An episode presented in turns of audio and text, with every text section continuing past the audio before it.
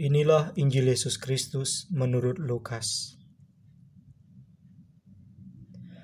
Lalu katanya kepada mereka, "Jika seorang di antara kamu pada tengah malam pergi ke rumah seorang sahabatnya dan berkata kepadanya, 'Saudara, pinjamkanlah kepadaku tiga roti, sebab seorang sahabatku yang sedang berada dalam perjalanan singgah ke rumahku.'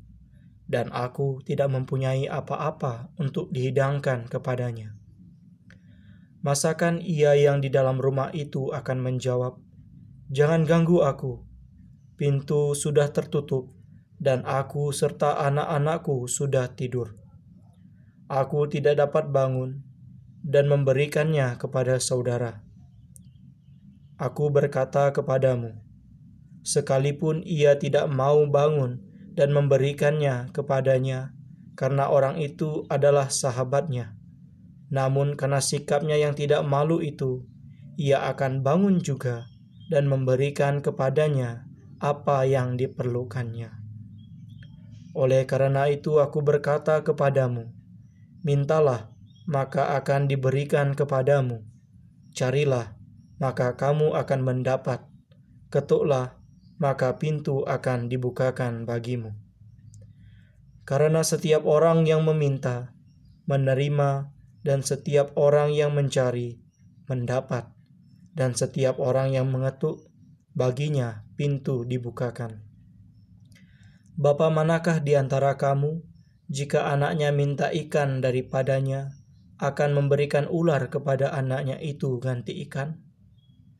Atau jika ia minta telur, akan memberikan kepadanya kala jengking?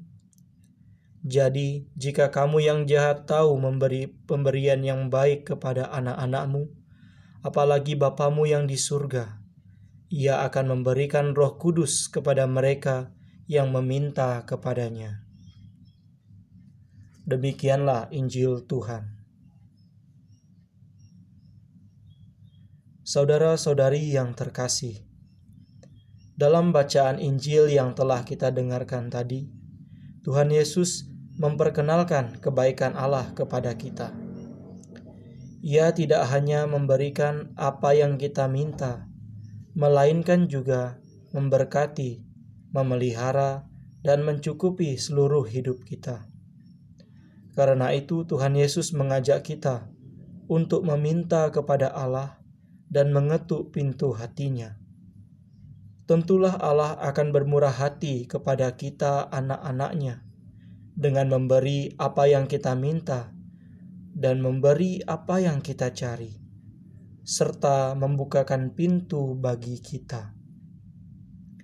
Namun dalam hidup ini, kita sering kali mengandalkan kemampuan diri sendiri dalam melaksanakan setiap tugas-tugas kita. Kita sering kali melupakan Allah dalam setiap rencana dan tugas kita. Pada kesempatan ini, Tuhan Yesus juga mengajak kita untuk bersikap rendah hati. Sikap yang rendah hati itu dapat membantu kita untuk bekerja sama dengan rahmat Allah. Saudara-saudari yang terkasih, marilah kita membuka diri kepada Allah dan mau bekerja sama dengannya dalam setiap langkah hidup kita. Dengan demikian, kita akan hidup sebagai anak-anak Allah. Tuhan memberkati. Amin.